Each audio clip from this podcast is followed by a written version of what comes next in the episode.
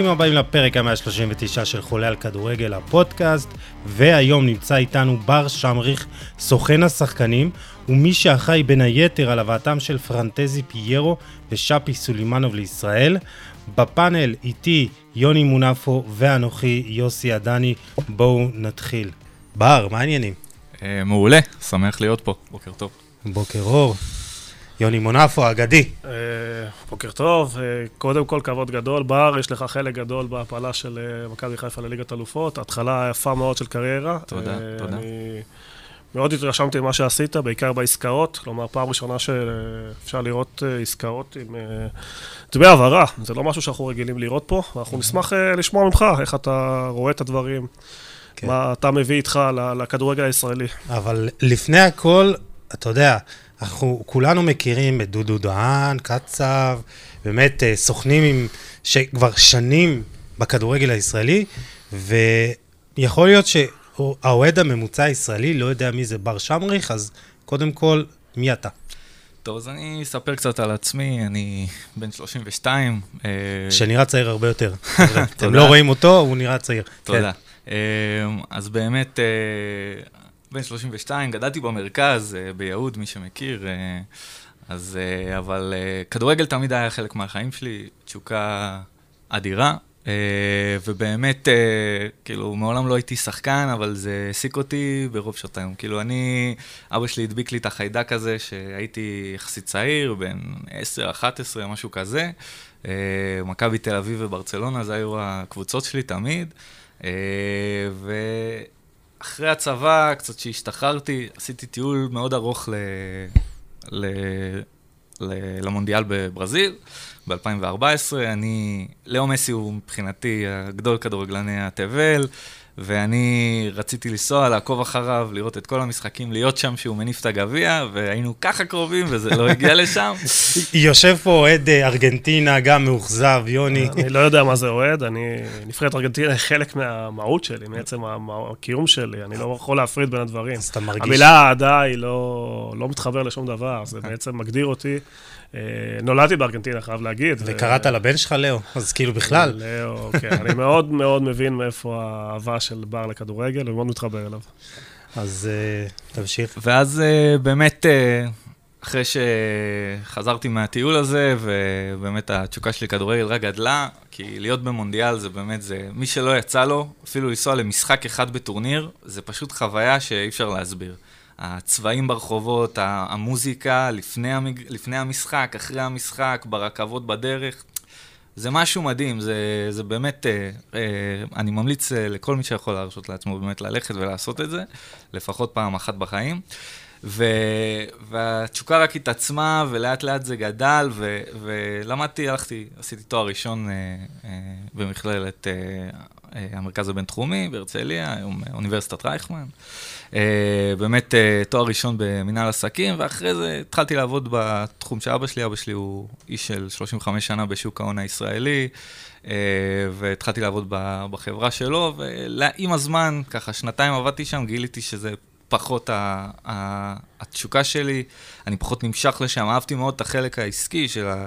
אה, לסגור עסקה ו- ולנהל אותה מההתחלה עד הסוף, אבל ה- אה, מושא העסקה, נקרא לזה, אה, היה פחות מעניין מבחינתי, ו- ונמשכתי יותר ויותר לעולם הזה של הכדורגל, אה, בין אם זה להאזין לפודקאסטים עם אה, אוריאל דסקל ואורי קופר, וקצת להבין יותר את העולם הזה ופה ושם.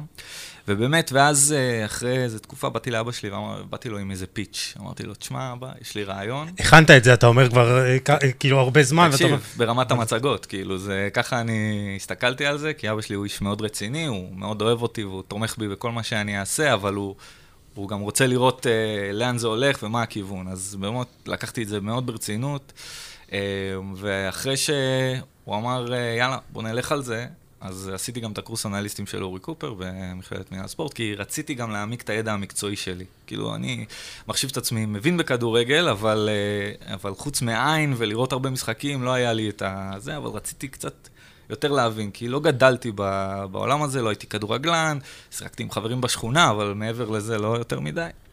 ו- ולכן עשיתי באמת את הקורס הזה, ואחריו אה, אה, החלטתי באמת להקים את הסוכנות. אז הסוכנות שלי, אם הייתי מגדיר אותה, היא סוכנות בוטיק.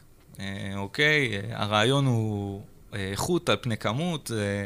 אה, לבחור שחקנים בפינצטה, אה, וזה משהו שבאמת אני מאוד מאמין בו, וגם זה סוכנות שירות מלא. מה זה אומר מבחינתי? זה אומר שאני מעניק לשחקנים שלי את כל הדברים שהם צריכים כדי להצליח ככדורגלנים. ומה זה אומר? זה אומר אה, אימונים אישיים עם המאמנים הכי טובים בארץ. זה פיזיותרפיה. לפעמים יש קבוצות שלא מספקות את זה לשחקנים, והם צריכים... זה לח... לפעמים רוב הזמן. בדיוק, והם צריכים להתמודד עם פציעות, ואני דואג שהם יחזרו כמה שיותר מהר לשחק כדורגל. אה, זה מתבטא בשירותי אה, ייעוץ אה, משפטי כמובן, שלא אני נותן, אלא ניר ענבר, הוא עורך דין של הסוכנות שלי, אתם בטח מכירים אותו, מנכ"ל הפועל תל אביב לשעבר בכדורגל, עורך דין לענייני ספורט מהמובילים בישראל, אם לא המוביל שבהם. וייעוץ פיננסי כמובן מאבא שלי, שכפי שאמרתי, יש לו רקע בשוק ההון, והוא עוזר לשחקנים שלי איפה להשקיע את הכסף וכמה, כדי באמת לתת להם את השקט, להתרכז נטו בכדורגל. כי זה בסוף מה שיהפוך אותם, לדעתי, מפוטנציאל לפוטנציאל ממומש, שזה בסוף המטרה. אמ, אז איך שהתחלתי עם הסוכנות, קודם כל רציתי לקחת מישהו שהוא יהיה איש מקצוע, מין פיגורה, שגם תעזור לי לאתר שחקנים זרים. כי זה החלק המרכזי של כרגע של הסוכנות שלי, ואני אסביר על זה תכף. אה, אבל גם יעזור לי אה, בעבודה מול השחקנים הצעירים, ולהיות בעצם למעשה אנליסט אישי עבורם, שילווה אותם וגם יפתח אותם מקצועית. אה, והכרתי דרך חברים משותפים את זיו להבי, מכירים את השם. כן. לשעבר scout ואנליסט ראשי בביתר ירושלים, והוא כבר שנתיים עובד איתי בסוכנות, למעשה מהיום שהקמתי אותה. אה, זיו הוא, הוא savant של כדורגל, אני קורא לו. הוא פשוט uh, צופה במשחקים מכל העולם, מכל הליגות. יש לו database של uh, uh, אלפי שחקנים שהוא מצא לאורך השנים שהוא עובד בכדורגל. והוא ממשיך לעקוב אחריהם, זאת אומרת, גם שחקנים שהוא ניסה להביא בזמנו לביתר ולא הצליח, ומה קורה איתם היום. יש לך איזה שם ככה, אתה יודע, אנחנו, אנחנו יום אחרי 4-0 אה, של ביתר על מכבי תל אביב, ואתה אומר, הפערים כל כך עצומים שאתה לא יודע מאיפה להתחיל לחזק, אבל יש לך איזה שם בשבילנו שהוא רצה להביא לביתר, ועכשיו הוא מככב באיזה נכון. ליגה בכירה. כן, אז זהו, אסן אה, סיסי, אם אתם מכירים את השם, אה, היה חלוץ של אפסי לוגאנו בליגה השוויצרית. השוויצרית הראשונה, היה מלך השערים שם, שים שם אה, דו-ספרתי שערים ובישולים, שחקן נהדר, פנטסטי, באמת חלוץ שיודע לשחק גם בצדדים, כאילו גם באגפים, באמת, שחקן מדהים, אני הצעתי אותו uh, בעצמי גם למכבי חיפה, גם למכבי תל אביב, זה היה פחות הסגנון של החלוץ שהם חיפשו אז, לכן העסקאות האלה לא יצאו לפועל, אבל uh, באמת שחקן שאני האמנתי בו בלב שלם, וזיו איתר אותו שהוא עוד היה כלום ושום דבר, והיום הוא בלצ'ה, בסריה, בליגה האיטלקית. חתם שם הקיץ אה, תמורת אה, סכום לא מבוטל, והוא באמת אה, כבר פורע שטרות, לדעתי הוא עם שני שערים כבר בליגה האיטלקית, זאת אומרת... באמת שחקן נהדר. אז הוא היה יכול לקרוא רשתות בטדי, טוב. יכל לקרוע רשתות בטדי בזמנו, אבל זה לא התממש. אה, אבל באמת אה, שחקן מדהים, וזה באמת רק אה, טעימה לסוג הרמה של השחקנים שאנחנו מוצאים, כן. מאתרים בסוכנות ומנסים להביא פה לליגה. נדבר הרבה על ה scouting, איך הוא נעשה פה בישראל. אני קורא לזה scouting עצל. יש את ה scouting אקטיבי ופסיבי, אז בישראל זה scouting עצל, הולכים על המוכר והנוח, ומה שבאמת כולם יודעים ומכירים. יוסי, צריך להבין שבשנים, אה, אתה הולך חמש, שש שנים אחורה, רוב הקבוצות לא היה להם אפילו אנליסט, או לא היה להם אה, scout בכלל, לא הסתכלו, כל המערכות האלה, היחידי בארץ שהיה לו גישה ל Wyscout ודברים כאלה, זה דודו דהן וסוכנים. וסוכנים עשו את זה אפילו לא, ב, לא באקטיבי. כלומר, קיבלו הצעות משחקנים שלא מצאו אף קבוצה באירופה, והעבירו אותם לישראל בתור אופציה אחרונה. ורוב הזרים בעבר שהגיעו, זה, זה, זה ככה, אתה רואה מגמה של שינוי בשנים האחרונות, אה, גם ב... יש מנהלים מקצועיים פתאום, יש אנליסטים בכל קבוצה, אה, יש קורסים אפילו שעושים אה, אורי קופר, ואנשים מתמקצעים. אני חושב ש...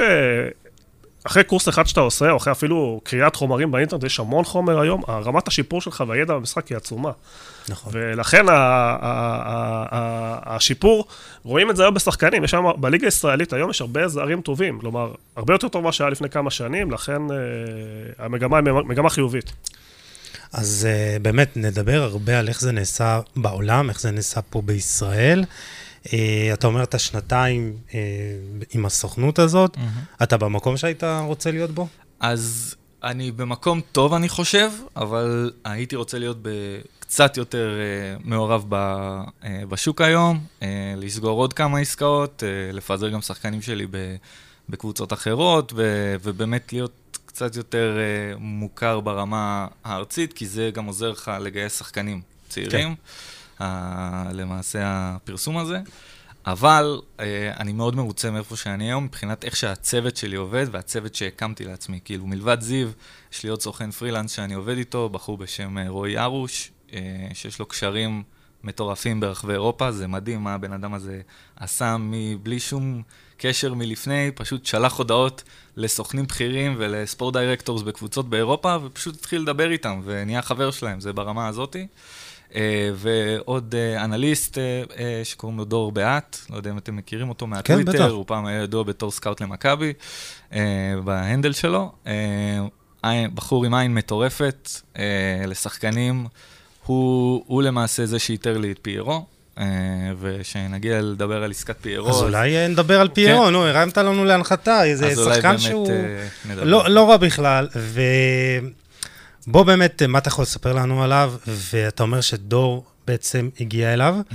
וזה מעניין כי יש פה גם עבודה של סוכנים זרים, גם עבודה של מחלקת ה scouting של מכבי חיפה, כלומר, נכון מאוד. זה לא אתה הבאת ואתה יודע, השחקן לא מוכר. בדיוק. כן, אז בוא תספר לנו איך באמת הגעת אליו. אז אני לא יכול לקחת את הקרדיט כמובן רק לסוכנות שלנו, אה, באמת, אה, לקראת כל חלון, מה שאני עושה למעשה, אני אה, מדבר עם כל המנהלים המקצועיים, סלש מאמנים, כי בכל קבוצה בארץ מישהו אחר אחראי על הרכש, או לפחות על ההחלטה להביא את הרכש.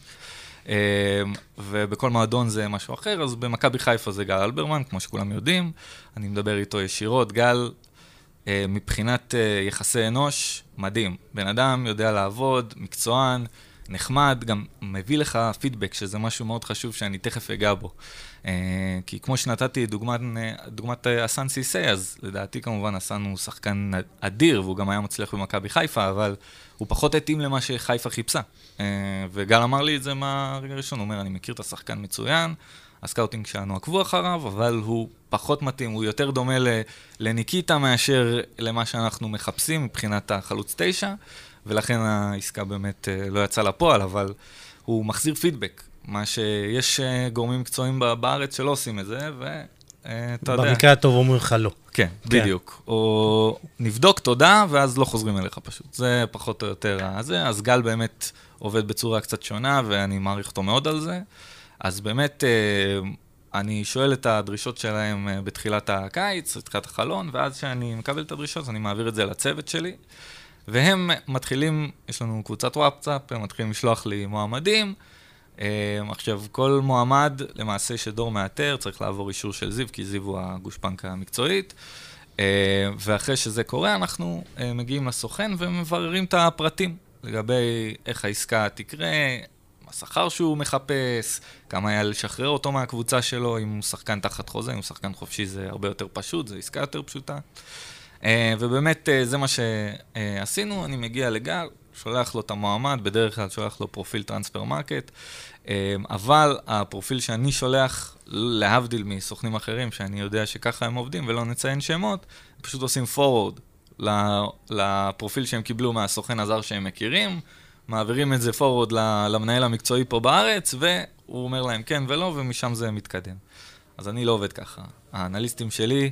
אה, כותבים למעשה אה, מלל, פרופיל כתוב, אה, שמתאר את השחקן, את, הקר... את הרזומה שלו, רגל חזקה, במה הוא מצטיין, אם זה דריבל, אם זה בעיטות לשער, כל מיני דברים שככה ייתנו להם טעימה לפני שהם צוללים לתוך השחקן, שיקבלו עליו תמונה כללית באמת איך הוא נראה והאם הוא מתאים למה שהם מחפשים.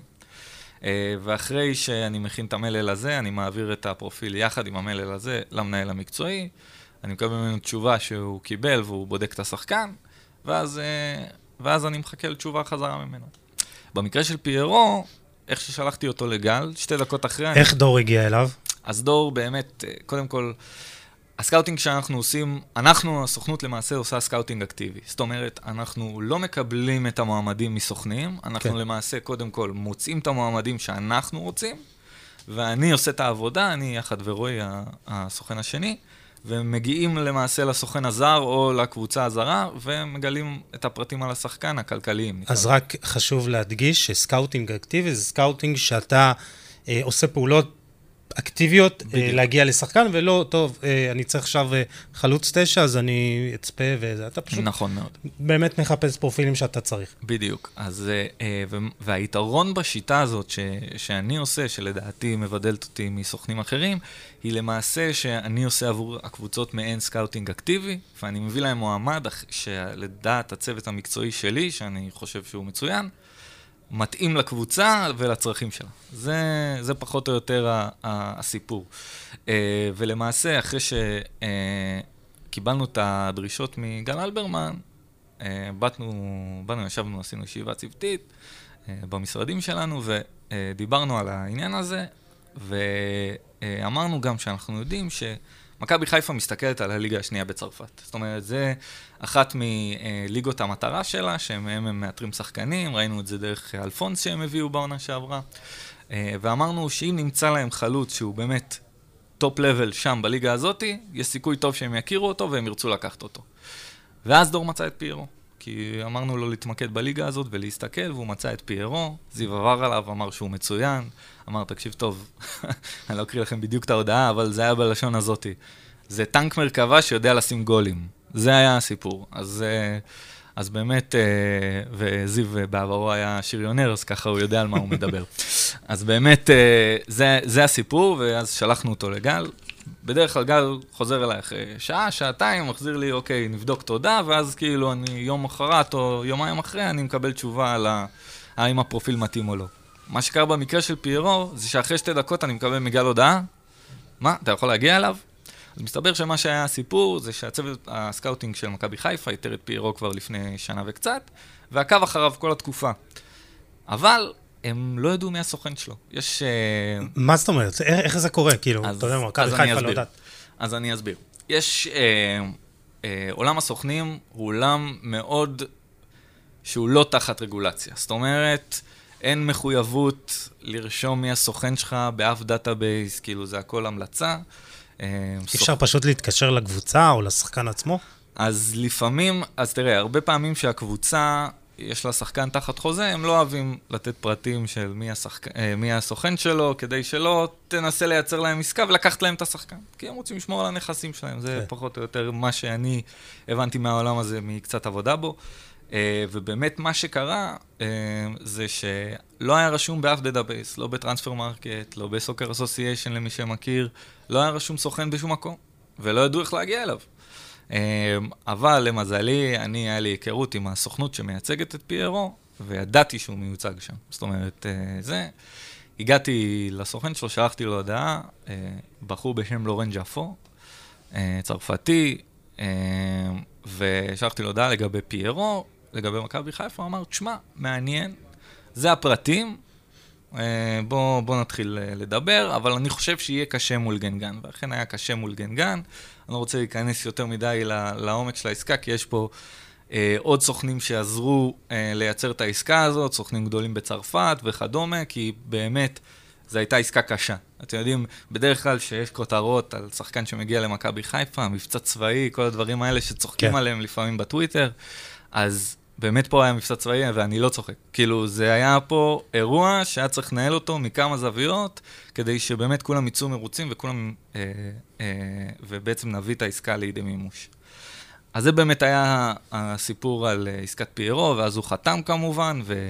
לקח והגיע. זמן, זה, זה רק היה מול, מול הקבוצה, או שהיו לו גם עוד הצעות מקבוצות אחרות ב- באירופה? אז זהו.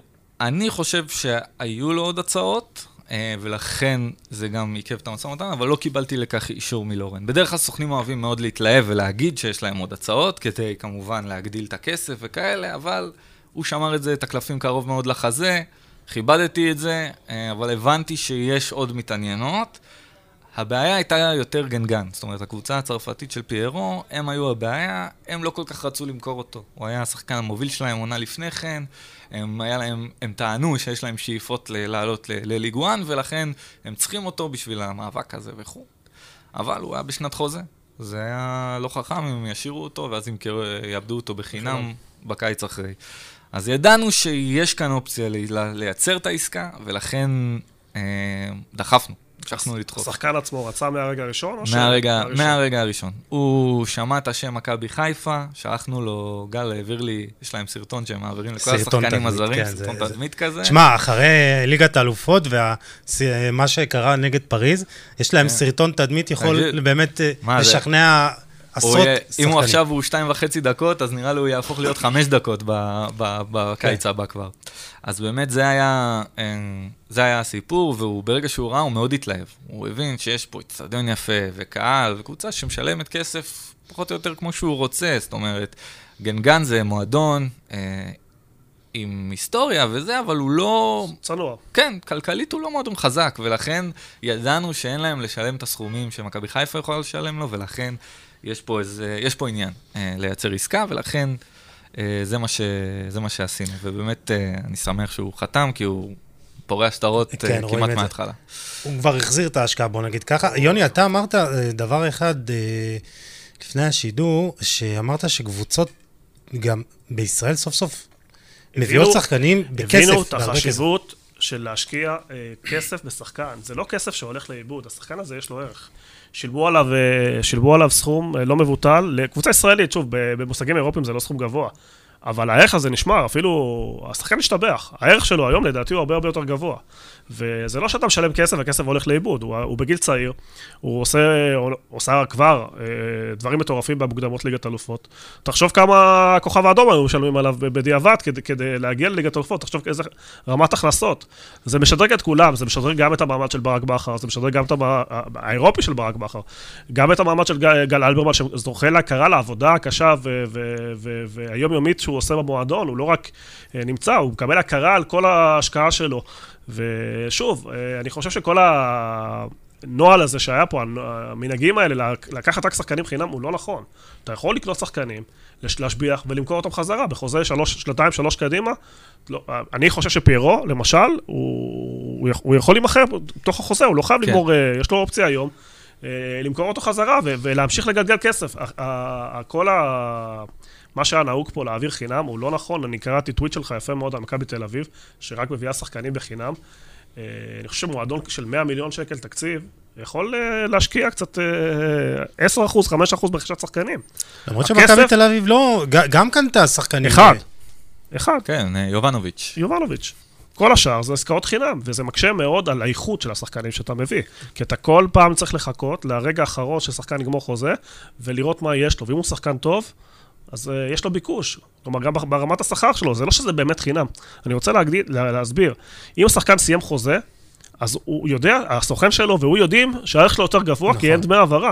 זה שאתה משלם דמי העברה, זה לא אומר שכל הכסף, uh, אתה חוסך אותו.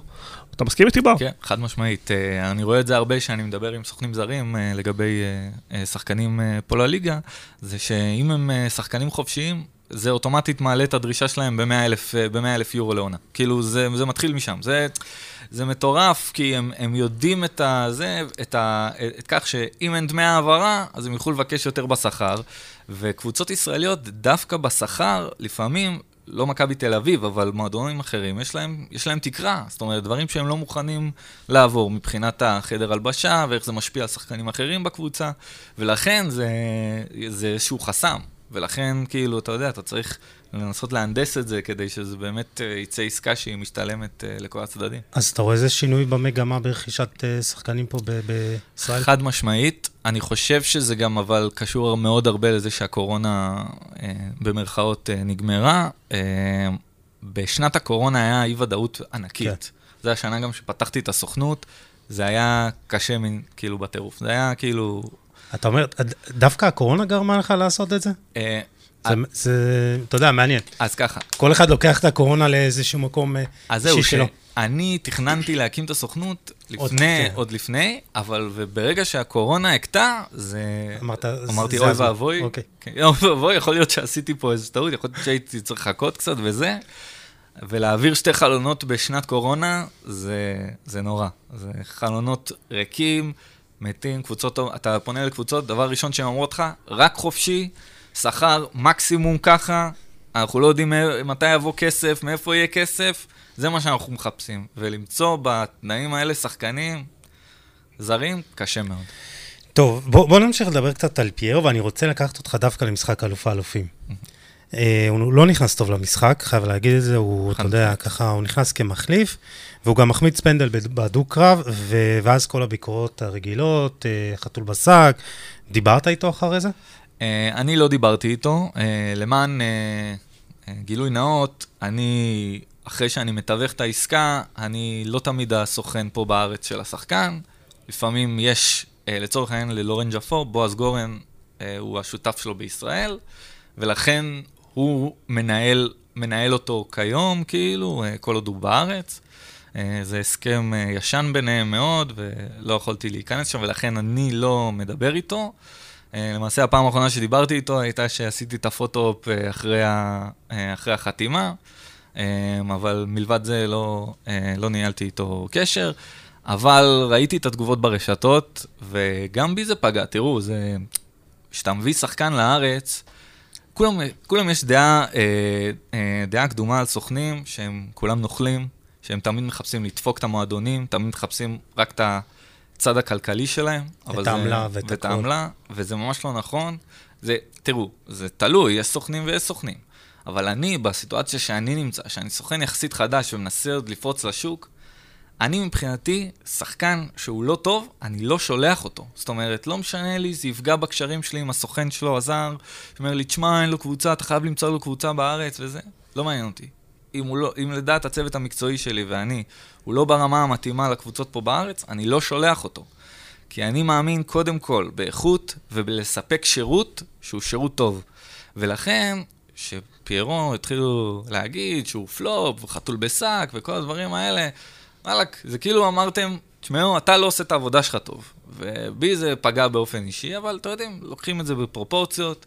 אני ידעתי שהם יאכלו את הכובע, כאילו, אני ידעתי כן. שפיירו זה משחק ראשון, אתם יודעים, הוא היה, הוא שיחק אמנם עם הנבחרת כמה אה, שבועות לפני כן, אבל מה זה נבחרת הייתי? זה לא הרמה שאתה באמת אה, מצפה ממנו להיות בכושר משחק אמיתי, ולכן זה באמת, אה, אה, אני חושב שזה מה שפגע בו, אבל לאט לאט, אתה ראית עם האימונים עם ברק בכר, לאט לאט איך הוא נכנס ל, לסיטואציה, ובאמת, הוא, הוא מדהים אותי אפילו. כאילו, אני ידעתי שהוא יהיה טוב, לא ידעתי שהוא יהיה עד כדי כך טוב. כן, אז אני רוצה לשאול אותך, יוני דווקא, אה, פיירו עם חמישה שערים בשישה משחקים במוקדמות צ'מפיונס, אבל רק שער אחד בארבעה מחזורים, ועוד משחק ללא שער באלוף האלופים. אנחנו מקליטים את זה יום ראשון בצהריים, לפני המשחק של אה, מכבי חיפה בטדי נגד הפועל. איך אתה מסביר את השינוי, ההבדל הזה בין אירופה לבין ישראל? יש פה כמה נקודות שראוי להתייחס אליהן. אחת מאוד, הליגה הישראלית היא מאוד מאוד מאוד הגנתית. הצפיפות במרכז הרחבה היא מאוד מאוד גבוהה, ואתה רואה גם חלוצים. היום, סתם הסתכלתי, דיברנו על זה לפני שהגעתי, על אגדה שנותן שבעה שערים ב- ב- ב- בארצות הברית ושבעה משחקים, בארץ הוא לא הצליח לתת אה, מספיק תפוקה. הליגה פה מאוד מאוד הגנתית ומאוד צפופה ומקשה על חלוצים אה, מרכזיים. דבר שני, זה, זה פרק זמן מאוד קצר. כלומר, הפיק והמיקוד של מכבי חיפה היה בליגת אלופות. כלומר, כן. שם רצו לראות אותו, שם כיוונו עליו, שם שיחקו על היתרונות שלו, על הפיזיות שלו.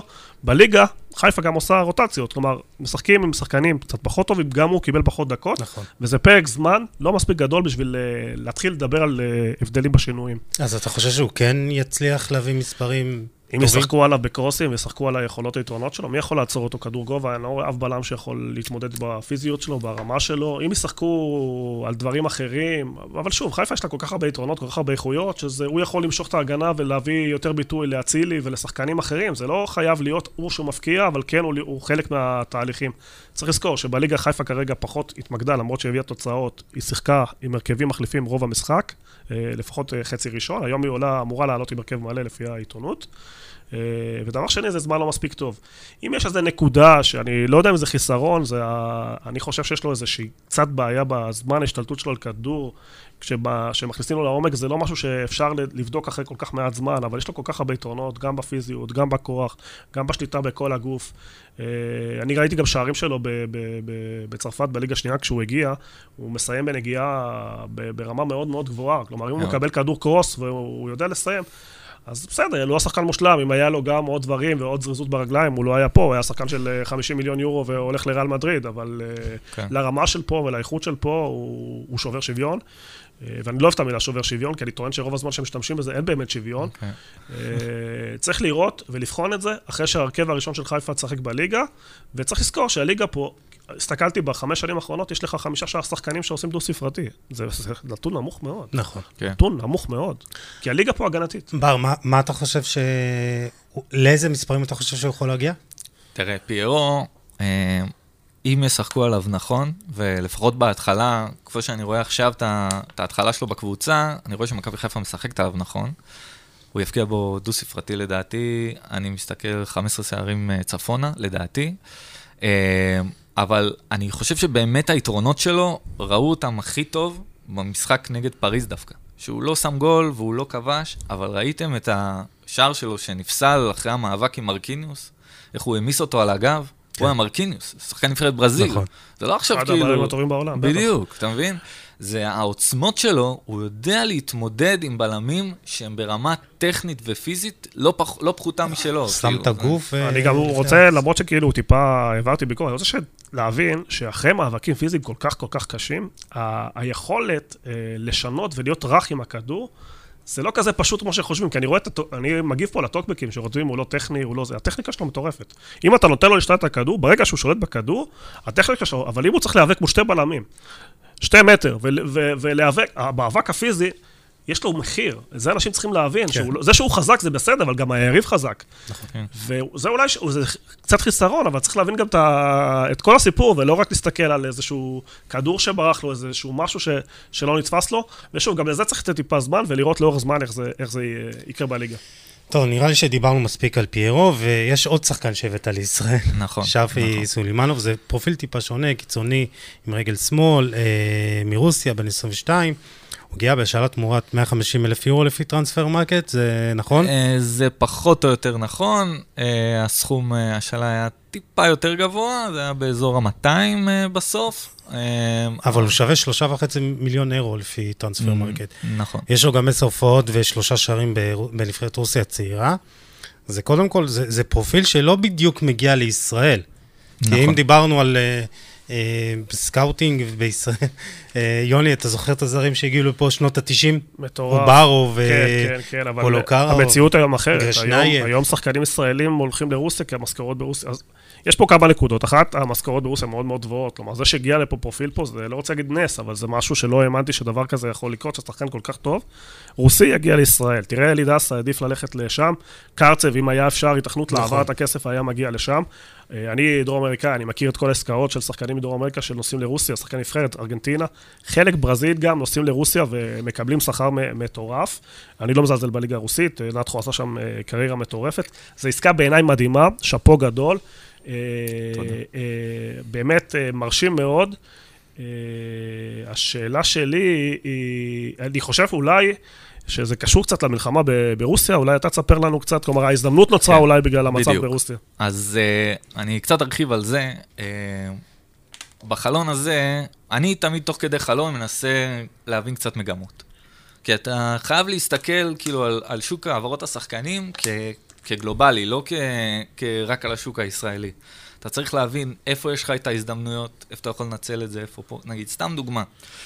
כשהתחילה המלחמה, אני באתי לזיו, אמרתי לו, זיו, אני רוצה שאתה ודור תעשו לי רשימה של כל השחקנים אה, הזרים שמשחקים בליגה הרוסית, וכל השחקנים הזרים שמשחקים בליגה האוקראינית, ותגידו לי עכשיו, מי מהם, כאילו, לקראת סיום חוזה, יש לו איזה זה שם, כדי שאנחנו נוכל אולי להביא אותם לפה, לפתות אותם לקבוצות הגדולות שלנו, שהן גם משתתפות באירופה, מה שהם לא. ולכן זה נותן פה עוד שהוא גוון שמאוד מעניין את השחקנים האלה, כי הבמה, בסוף התחרויות של ופא זה הבמה הכי גבוהה באירופה. כאילו, לא משנה, גם, גם אם זה אפילו הקונפרנס ליג ולא, ולא הצ'מפיונס. רואים אותם. קבוצות כמו וסטאם, כמו ויה ריאל משתתפות במפעלים האלה, זה גורם לה, ל, להם להיות במרכז הבמה של, ה, של העין האירופית, ו, ולכן אה, זה גם עוד שהוא גורם משיכה, ובנוסף, אתה מביא אותם למדינה שכביכול אה, אין בה מלחמה, לא משתתפת כאילו כרגע בזה.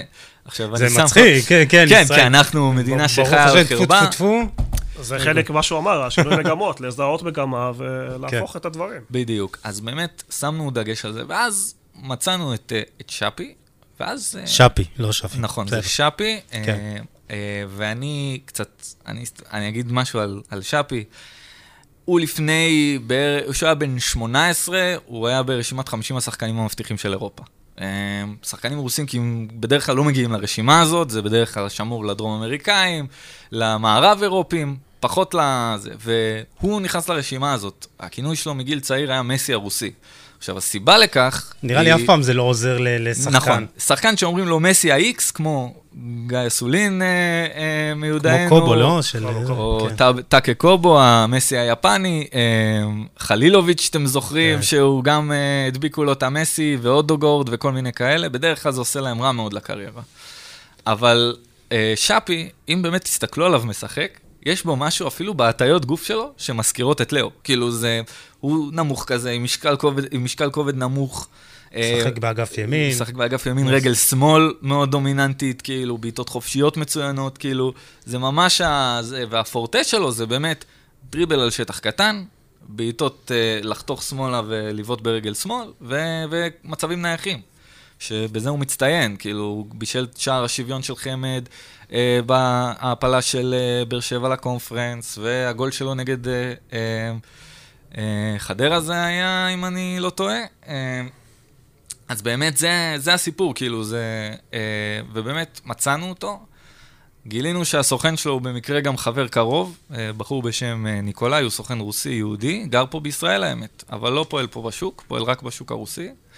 אה, ככה שהיה פה הזדמנות אה, למעשה לעבוד איתו, ובאמת יצרנו את החיבור של באר שבע. באר שבע, באו אלינו גיא פרימור, אה, המנכ"ל, הוא אחראי על הרכש שם במועדון, אחרי שברדה מונה לתפקיד המאמן. ו...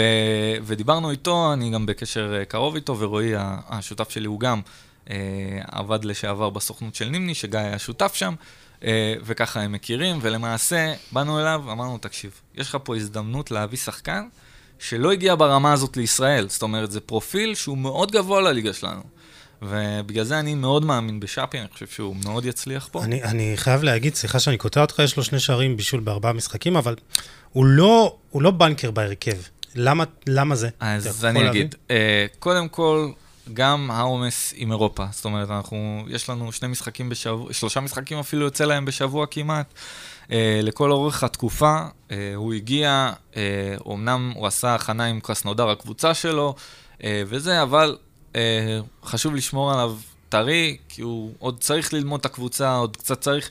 באר שבע גם נמצאת עכשיו קצת בתקופה מקצועית לא הכי טובה, הם צריכים עוד להתחבר, אה, ואני חושב שברגע שזה יתחבר, הוא יראה באמת מה היכולות שלו, זאת אומרת, אה, זה שחקן שהוא באמת לא ראו במחוזותינו, כאילו. אני חושב שככה ברדה בנה את זה, הוא בנה את זה על אה, הרבה שחקנים ורוטציה בהתקפה, כלומר הגנה מאוד מאוד יציבה ומאוד חזקה, ודווקא בהתקפה רוטציה, זה לא קשור, כלומר, לאיזה שחקן היית מביא, זה יותר למה שברדה אה, רוצה לייצר בקבוצה אבל- שלו. אני דווקא מאוד אה, אה, רוצה לשמוע דווקא על גיא פרימור, כי הוא דווקא אחד שהיה סוכן, או עוזר של אבי נימני, העורך דין כן. שלו, והיה שחקן כזה. כדורגל, כן? כן, שחקן, דווקא, איך הוא תורם ל... ל... לבאר שבע, או איך את העבודה מולו, לעומת העבודה מול אלברמן, אם אתה יכול לספר קצת? אז ככה, גיא הוא... מ... יש לו, המו... יש לו 12 שנות ניסיון כסוכן. זאת אומרת, 12 שנה כסוכן. אי אפשר לערבב אותו, אתה אומר. הוא מכיר סוכנים, מכיר עסקאות, יודע כל מיני פונקציות שאפשר לעשות. כשאתה בא לבן אדם כזה ואתה אומר לו, זו עסקה שהזדמנות, הוא ישר הוא, רואה- הוא מבין את זה, כן. זה לא שאתה מדבר עם... נכון, אה, הוא ישר רואה אותה, הוא ישר מבין. תקשיב, ברגע שהם ראו, ערכנו להם, בדרך כלל אנחנו לא עורכים סרטון קלטת, כאילו, מה שהיו קוראים לו בעבר, כי היום הכל נמצא ב InStat ו Wyscout, קבוצות פשוט נכנסות ורואות את זה, כאילו, כן? משחקים מלאים, וככה אפשר באמת לבחון שחקן באופן אמיתי, ולא, אתה יודע, רק להתלהב מביצועים ביוטיוב. אבל ערכנו לו סרטון, כי גם אה, בשביל צרכים שיווקיים של הסוכנות, אבל בגדול בשביל להראות במה הוא טוב. להראות שהוא טוב הוא ממש טוב. כאילו, זה היה הרעיון שלי, כאילו. ו... ובאמת עשינו את זה, הם כמובן בדקו אותו יותר לעומק, והסתכלו גם משחקים שלו מלאים, וגם ב... לכל אורך המשא ומתן היו לו דקות בקרסנודר, והם, והם צפו במשחקים שלו, זאת אומרת, כאילו, אני מדבר ברמה, אני נותן פה סוד, גיא שולח לי הודעות, מה קורה עם התכשיט, מתי התכשיט מגיע, כל מיני דברים כאלה, וזה, זאת אומרת שהם ממש הסתכלו עליו כ- כ- כשחקן כזה, שובר שוויון, כ- הגדרתך. אני פה דווקא לא מסכים שדבר שוויון, כי אני טוען שזה עוול לעשות לו. כן. כלומר, תוציא אותו, באר שבע לא שווה למכבי חיפה ומכבי תל אביב. לא. אז זה לא נכון להגדיר אותו דווקא כשובר שוויון, כי זה לא משנה כמה נכון. טוב הוא יהיה, יהיה לו קשה להעמיד, אני... אז אני, אוהב, אני אשנה את המונח ואני אגיד Game Changer. אני אוהב את המו- את המונח Game Changer, כי זה השחקן, מסוג השחקנים האלה שיכולים לשנות משחק בפעולה אחת. אה, דודו עזריה, הסקאוט, היה מעורב בעסקה, או ש... לגמרי. דודו עובר על כל, גם אם זה לא שחקן שהוא איתר, הוא עובר על כל השחקנים שאנחנו מציעים לבאר שבע, והוא האוטוריטה יחד עם ברדה, המקצועית, שמחליטה בסוף האם שחקן מגיע או לא. אה, אז הוא היה מעורב, הוא הכיר את השחקן, אה, ראה אותו. אה, השם של שפי הולך לפניו. מי שקצת עקב אחרי הליגות הרוסית ו- וכל הדברים האלה, ונבחרת רוסיה הצעירה, ידע את השם הזה, כאילו, ראיתם, אם מישהו קרא, עשו עליו כתבת פרופיל מאוד יפה, עוזי דן עשה כתבת פרופיל מאוד יפה עליו בהארץ, אה, ממליץ מאוד אה, לקרוא, שהוא באמת, שהוא מציין שם... צריך את ה- לפתוח את האתר של הארץ, כן. יוני, שלח לי אחר כך את זה. אבל אה, כן, באמת זה, אה, אה, אה, חשוב לי להסביר, כי באמת, לשאפי, אה, הקורונה אה, פגע בו, ופגע בו מאוד קשה. הוא אושפז בגללה, היה לו אה, בעיות אה, בריאות בעקבות זה, והוא לקח לו זמן לחזור לשחק כדורגל. ואני חושב שזה אחת הסיבות, וזה גם המזל שלו. שעדיין הוא לא התניע, כן, כאילו, מאה לגמרי, אחוז. שהוא לא עדיין ב-100%, אבל שהוא יהיה, כולם יראו באמת מה יש לו, אבל, אבל זה באמת, זה, זה עצר את ההתקדמות שלו, והמזל שזה קרה לו בגיל יחסית מאוד צעיר, הוא, הוא כולו בן 22, כן. כאילו 23 עוד מעט. אז, זה- אז מה, מה באמת אפשר לצפות ממנו העונה? וגם צריך להגיד, אה, אתה יודע, שנת השאלה, חוזר לקבוצה שלו, מה, מה הלאה? אז זהו, אני חושב שבאר שבע יממשו עליו את האופציה. אה, ממה שאני שומע, פידבקים מתוך המועדון, הם מאוד מרוצים ממנו, גם אם זה לא מתבטא בכל דקת משחק שלו על הדשא, הם מבינים שמדובר בשחקן בסדר גודל שונה. אה, ולכן הם מאוד מרוצים פה, אני חושב שהם יממשו את האופציה. אה, אבל בכלל, זו גישה שבאר שבע מאוד אוהבת עכשיו, שזה לקחת שחקנים בהשאלה עם אופציה, להבין שנייה האם הם מתאימים לתלכיד הזה, ואם לא, בסוף העונה להיפרד כידידים, מה שנקרא. אסטרטגיה נכונה לפי דעתך, יוני? אם הם מצליחים להביא שחקן באיכות הזאת, חד משמעית, כן. הבעיה היא שיכולים לפספס עסקאות ששחקנים טובים לא יסכימו לבוא בהשאלה. כלומר, יש מחיר ל- ל- למדיניות נכון. הזאת. מצד שני, אתה מבטיח לעצמך מינימום נפילה, ואם זוכרים את התקופה שאלונה רצתה ללכת, כי היה לה הרבה חוזים כבדים, ואני לא נכנס לה לחיים, וכל מה שקרה במשבר הקורונה, אז, אז הם פשוט רוצים לסכן, להוריד את רמת הסיכון. מבחינתם כנראה שזה נכון, אבל... אה, כל שוב, אם יש לך שחקן שהוא אס, שהוא הבטחה, צריך ללכת, צריך להיות גמיש גם במחשבה. כלומר, מדיניות זה דבר מאוד מאוד חשוב. כן. כשיש הזדמנויות בשוק, צריך להכות, זה מה שאני חושב. אה, הם מחפשים אצלך עוד זרים, או ש... אז כן, זהו, אני, אנחנו עובדים על אה, עוד זר אה, בשבילם, הם מחפשים כנף שמאל, זה מה שהם אמרו לנו, אנחנו עובדים על זה מאוד חזק. שלחנו להם מספר מועמדים, לא ברמה של שפי, אני, זה אני חייב להגיד, אבל, אבל מועמדים טובים. זאת אומרת, אם אה, אחד מהם יחתום, אני חושב שזה. אנחנו גם, אם שמעתם על עסקת אה, סבסטיאן גומז, שהיה מועמד לבאר שבע, אז אה, גם אנחנו. זאת אומרת, אה, גם אני הצעתי אותו, ל...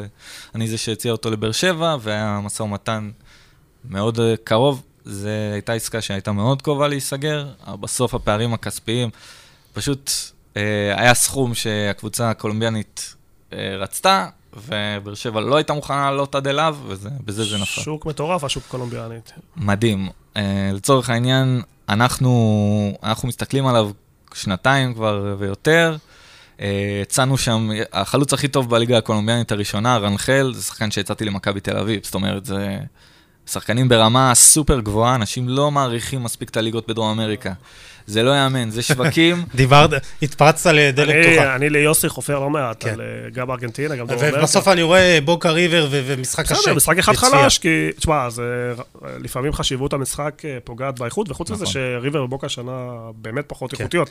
אחרי שאתה מוכר בשנתיים אה, עשרה שחקנים, אז באופן טבעי קשה להחליף, וגם, וגם אני עוד ריבר, לא פגעו, אבל בוא נחזור לנושא. יש לי שאלה חשובה על מכבי תל אביב, כי דיברת על חיפה, ו... ו... וקראתי את הטוויט שלך, קצת סוג של ביקורת, ואתה אוהד מכבי, נכון. ספר לי מה אתה מרגיש כלפי המועדון, או עבודה יש- מול המועדון. יש הרבה ביקורות, אני אמשיך אותך, הרבה ביקורות על, על צורת עבודה של מכבי, שלוקח זמן, ורק עכשיו החתימו את הבלם הזר. הכל בעצלתיים, וגם, אמרנו scouting עצל, גם במכבי צריך להגיד את זה, זה די סקאוטינג עצל. אז בוא, אני... אני אה, תראו, זה בסוף אנשים, אה, קולגות, שאנש- לקוחות, אני מחשיב אותם, אנשים שאני צריך לעבוד איתם. לכן אני לא יותר מדי אכנס לביקורת, אני אגיד רק מה שאני חושב. אה, את הביקורת שלי על, על הדבר הזה. מכבי תל אביב, אה, מאז ימי ג'ורדי קרויף, עובדים בצורה כביכול כמו מועדון גדול באירופה. זאת אומרת, הם עושים סקאוטינג אקטיבי, הם לא משתמשים כמעט במתווכים ישראלים, זאת אומרת, הם למעשה מנסים לייתר את, ה, את הפונקציה שלי אה, באירוע, כי לטענתם, לפעמים עוד גורם נוסף מסבך את העסקה. עכשיו, אני, מהניסיון הדל שלי, אני יכול להגיד שהרבה פעמים אני עזרתי לעסקה. כאילו, שהיא לא הייתה קורית אם לא הייתי דוחף פה במקום מסוים, או מציע איזשהו רעיון שהוביל לרעיון אחר, שבסוף הוביל לסגירה של העסקה. כאילו, זה, זה דברים ש... לדעתי, הם- הם רק עוזרים. זאת אומרת, אה, יש עוד גורם ישראלי, עוד מישהו שמבין את המנטליות, שמבין את ה... פחות או יותר את הסדרי גודל הכלכליים ואת הסדרי גודל המקצועיים פה בליגה, אני חושב שזה רק יכול לעזור.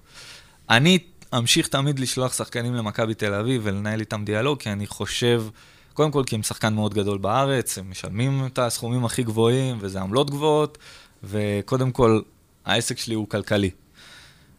בצד השני, גם כאוהד מכבי תל אביב, אני אומר, אני שלחתי שחקנים שהם מבחינתי Game Changer'ים. כאילו, זה שחקנים שאני באמת חושב שהיו... ומה הם אמרו לך? אז הרבה פעמים קיבלתי פידבקים של תודה, נבדוק, ואז אתה פשוט לא מקבל הודעה יותר, לא, לא יודע מה קורה עם השחקן, ואז אתה צריך לבוא, לשאול עוד פעם מה קורה, מה העניינים, ומחזירים לך שלא מתאים, לא זה, אבל... אני לא רוצה לעשות את ההשוואה בין גל אלברמן לזה, אבל לפחות אני מרגיש, אני מרגיש, שיכולים לתת קצת פידבק יותר מקצועי. להגיד לי, אוקיי, זה לא מתאים, אבל מה אתם כן מחפשים? איפה, אתם, איפה אני יכול לעשות עוד fine tuning ולמצוא לכם את השחקן שבאמת ישדרג אתכם?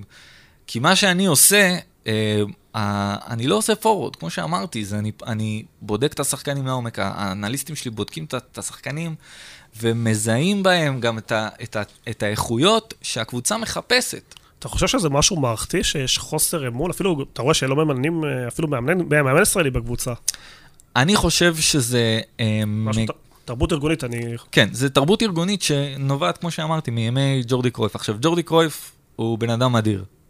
אדיר, מנהל מקצועי של ברצלונה, ומעלה. היום, היום בברצלונה הגדולה, כאילו זה, זה באמת, אה, זה רק החותמת לבאמת. ל world class שהוא היה פה, אוקיי? לרמה המקצועית שהוא הכניס פה, אה, לדעתי. עכשיו, מה שהיה אה, קל לג'ורדי, שבגלל שהוא הבן של יוהאן קרויף, ושהוא היה שחקן בברסה ובמנצ'סטר יונייטד, הוא, יש לו say מול סוכנים זרים שאני לא יודע אם לברק יצחקי יש. אני לא רוצה להגיד שיש לו או אין לו, אם יש לו את הקשרים או אם אין לו את הקשרים, אני רק כמסתכל מה, מהצד רגע, אני אומר שאני לא בטוח שיש לו אותם, אבל יכול להיות שיש לו, ואני אה, אוכל את הכובע. אני את ברק מאוד מעריך, או כ- כשחקן וכבן אדם, אבל אני מרגיש שהוא היה יכול לעבוד איתי קצת יותר טוב.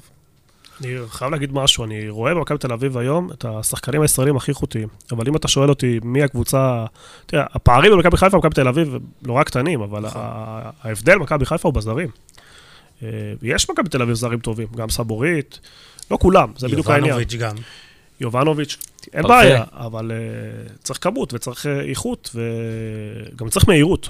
לא יכול להיות שכל הזמן, לא יכול להיות שמכבי חיפה, מוכרת בלם ומביאה אחרי שבוע שני בלמים, ואני אומר לך שרוב הפרסום... אה, מהירות של אה, פעולה, לא מהירות של... מהירות שחקנים. פעולה, כן, כן, ברור. מהירות התגובה אבל, לשוק. אבל זה ברור, אבל זה, זה הקטע, אתה שמכבי רואה- חיפה הכינה את הסגל אה, שבועיים לפני תחילת האימונים או משהו בסגנון, כן, אתה- ומכבי תל אביב עדיין צריכה להביא מגן ימין וחלוץ. אתה שאלת על פיירו ובאר שבע, והוא שיחק שהוא לא היה מוכן, כדי ש... כי בכר ראה לנגד עיניו את ליגת אלופות, הוא נכון. הריץ אותו והיה מוכן אולי לשלם טיפה מחיר באר שבע, נכון, הוא הפסיד, הוא, היה, כן. הוא היה מוכן לקחת סיכון, כדי שהוא יהיה מוכן למשחקים החשובים באמת.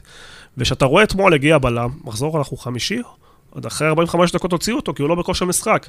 כלומר, ואז באים בטענות לאיביץ', למה איבד נקודה פה, ל- כן. כלומר, חשוב גם להביא את השחקנים, אפילו אם אתה משלם, בזמן. בקבוצ... בזמן, כן. כן. שיעשו הכנה, שיתחברו לקבוצה, זה לא משנה כמה אתה איכותי, אם אתה לא יודע מה תבניות התקפה, ואתה לא יודע איפה הסגירות, ואתה לא יודע מה היתרונות של השחקנים לידך, אתה מתפקד פחות טוב. וזה, לדעתי, זה שוב חוזר לג'ורדי קרויף, ואני אסביר למה. לג'ורדי אה, היה איזושהי מתודת פעולה בשוק ההעברות, שהוא היה מחכה ממש לשבועות האחרונים של החלון, כדי להביא את הבינגואים, את הזה, בדיוק. מי שיפול. כי יש שחקנים לפעמים שמוצאים את עצמם פתאום בלי קבוצה, או בסיטואציה לא טובה בקבוצה שלהם, בשבוע האחרון של חלון ההעברות, ופתאום ישראל הופכת להיות הרבה הרבה יותר אטרקטיבית. ככה ג'ורדי האמין, אה, וזה או עבד לו או לא עבד לו. זה...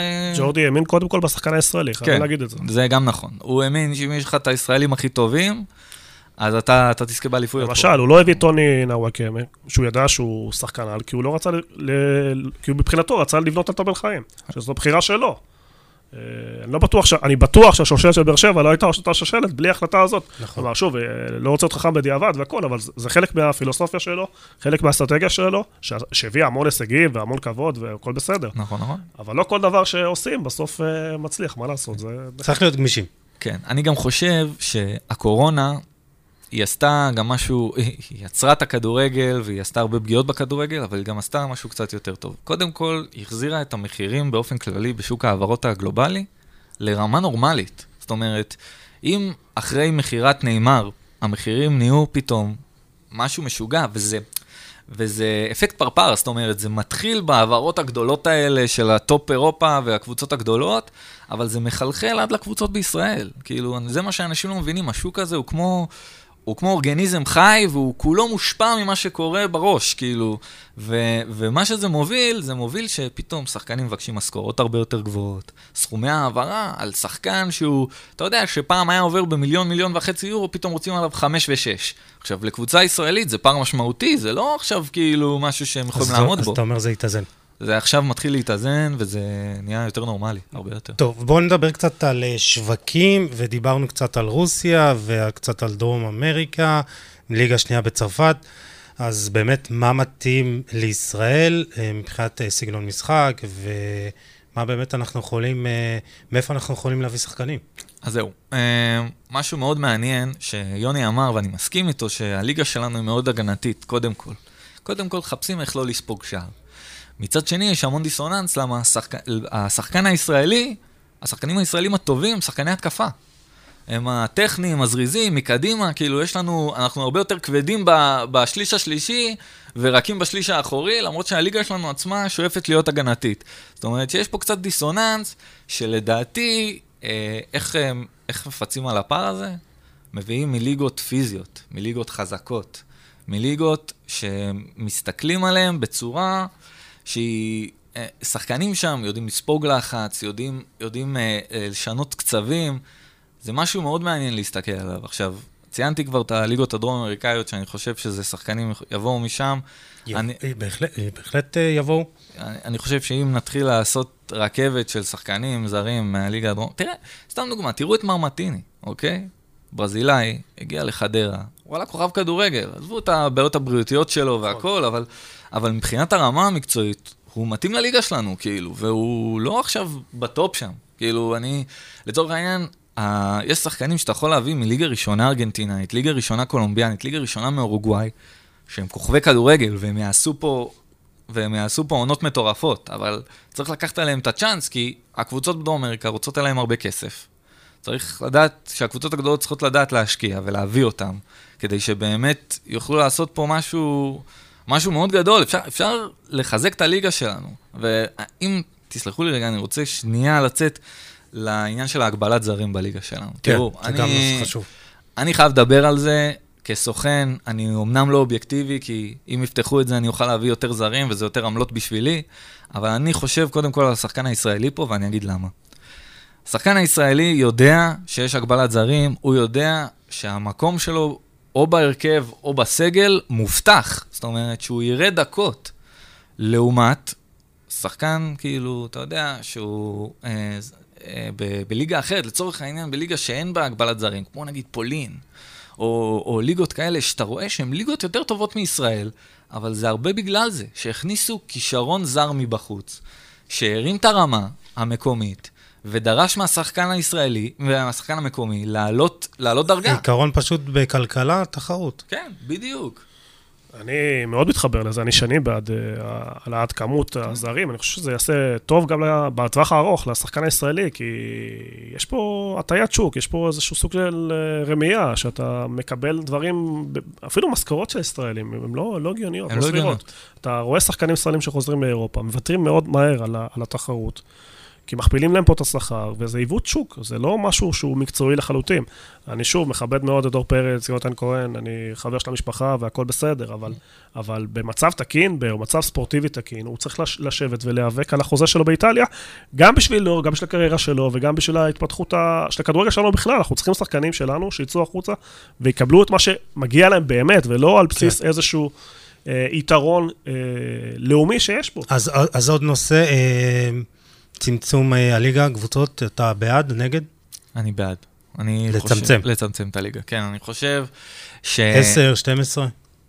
או כמה שיותר? אני לא יודע, אני לא יודע להגיד מספר ש, שיעבוד, אני חושב שצריך צוות שישב ויחשוב על זה, ויגיע בדיוק למספר המדויק, כי אני, אני חושב, תראו, גם להקטין, אני חושב גם לה- להקטין את הליגה הלאומית. זאת אומרת, אנחנו רוצים ששתי הליגות הבכירות שלנו יהיו, יהיו מקצועניות יהיו יותר? מקצועניות יותר. כולם, כולם יותר. יודעים שהליגה הלאומית זה חצי בלוף, שזה לא בדיוק אה, מקצועי, כן. זה שחקני נוער ושלושה ארבעה שחקנים שבאמת אה, מקבלים איזשהו חוזה, שבאמת הם יכולים להיות מקצועיים עד הסוף. אבל אנחנו לא צריכים להיות כאלה גאונים, אנחנו יכולים להסתכל על מדינות בסדר גודל שלנו, שווייץ, אוסטריה ודומה, ולהעתיק אה, את המודלים שעובדים, וזה ליגות של עשרה, 12 קבוצות, זה לא מהותית. אני בכלל לא יכול לסבול גם את המשחקים האלה שאתה רואה פחות מאלף אוהדים, זה, זה לא, כן, זה אה, לא, כן. יש יותר מדי קבוצות, יש פה כל מיני דברים ששוב, נגיד, אשדוד אולי מנוהלת נכון, אבל היא, היא נולדה מאיזושהי טעות של אה, איחוד שתי קבוצות עם קהל לקבוצה אחת בלי קהל, או מכבי פתח תקווה שקבוצה, מחלקת נוער מפוארת ומשפחת לוזון עשתה, אבל היא פירקה בדרך הפועל פתח תקווה קבוצה עם קהל. כלומר, אם היית מחבר בין שניהם, באמת היית יוצר פה קבוצות איכותיות ש, ש, שתורמות לכדורגל הישראלי. אה, יש פה הרבה עיוותים, הרבה דברים ניהולים לא נכונים, כמו כל דבר שהוא פוליטי. והכדורגל שלנו הוא פוליטי. אז באמת בואו נדבר על כדורגל בישראל, על מועדונים, אם דיברנו על מכבי תל אביב, שיש, שעושה סקאוטינג אקטיבי, מכבי חיפה, אנחנו מודעים לעבודה של גל אלברמן והצוות שלו, מדהים. בהפועל באר שבע אתה אומר, יש להם הרבה ניסיון וגם אנשי צוות. תגיד, אולי אני מכניס שם את מכבי נתניה, שיש לה גם עם צוות, אלמוג כהן. עם אלמוג כהן. וכפיר, כפיר, וולפסון. כפיר, וולפסון, מדהים. וולפסון, נכון, מדהים. שמעתי אותו גם. אה, איפה הוא היה הכל מקצועי? מדהים, אצל קופר.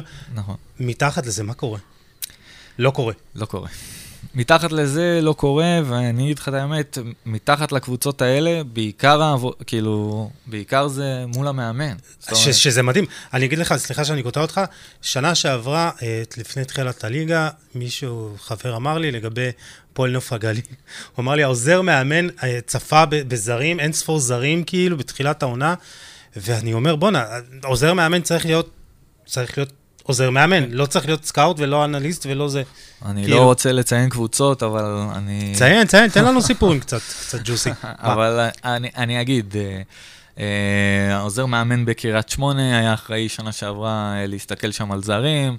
אה, קריית שמונה, סליחה שעוד פעם אני קוטע אותך, קריית שמונה, היה לה אנליסט, אנליסט בליגת העל, רק לפני שנה, נכון. אם אני לא טועה. זה נכון. מה שדיברתי בתחילת התוכנית, כן. שזה דבר נפוץ מאוד, ואני בכלל לא מדבר איתך על סקאוטינג פנימי ועל סקאוטינג של נוער, שהדבר הכי חשוב, היום להשתלט על, ה- על הכישרונות הצעירים של העתיד.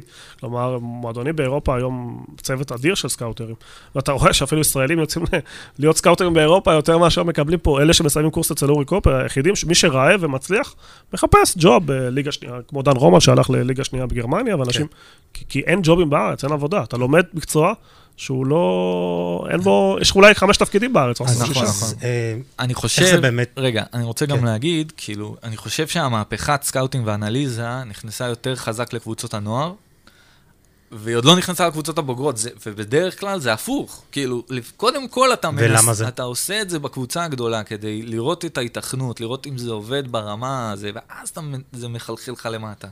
במקום זה, אני רואה הרבה קבוצות נוער שיש להם סקאוטים, יש להם אנליסטים, אנשים, באמת, מקצועני כדורגל שעובדים ימים כלילות, ולא יודע אם הם מקבלים כסף, ואם מקבלים כסף, ב- בדיוק. כזה בקטנה. ו- זה- בדיוק. שזה משגע אותי. זה, זה נוראי, זה מבחינתי, זה מאוד uh, מעליב. אני גם, אני מאמין בלתגמל את האנליסטים שלי. זאת אומרת, לצורך העניין, דור שאמרתי שאיתר את זה, הוא יקבל בונוס על פיירו. כאילו, זה, זה משהו שאני חושב שזה, אתה צריך לתגמל אותם כדי שהם יבינו שלעבודה שלהם יש משמעות, ואם לעבודה שלהם יש משמעות, אז הם יעשו עבודה יותר טובה. כאילו, הם, הם, הם יסתכלו על זה בצורה שפתאום זה הופך להיות their life mission, מה שנקרא.